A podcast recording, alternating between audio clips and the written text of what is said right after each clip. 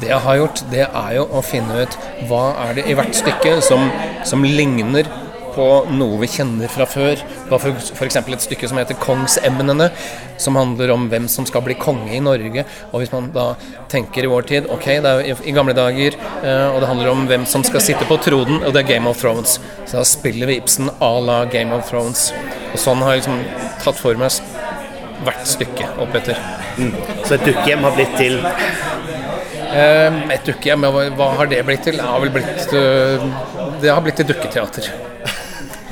Jeg vet ikke hvordan det skjedde. Uh, for hver oppsetning så har jeg skrevet om halvparten.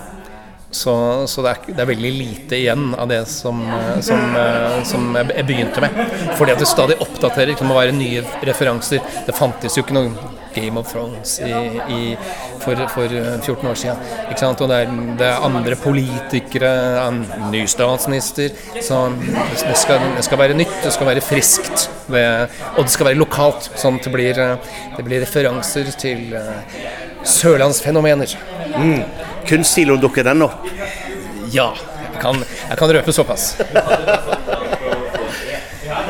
eh, hvordan tror du folk vil, vil, reagere på denne oppsetningen her, når denne settes opp da i, i oktober?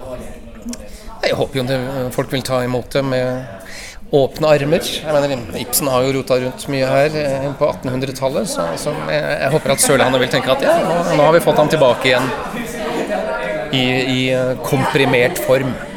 Det er jo, det, for det, det, skal gå unna. Folk har jo så dårlig tid. vet du. Det er så, det er så mye serier man skal se. Så Derfor tenkte jeg hvis du kan få alle Ibsens stykker på en kveld, eh, da, da, da kan man unne seg en tur i teatret.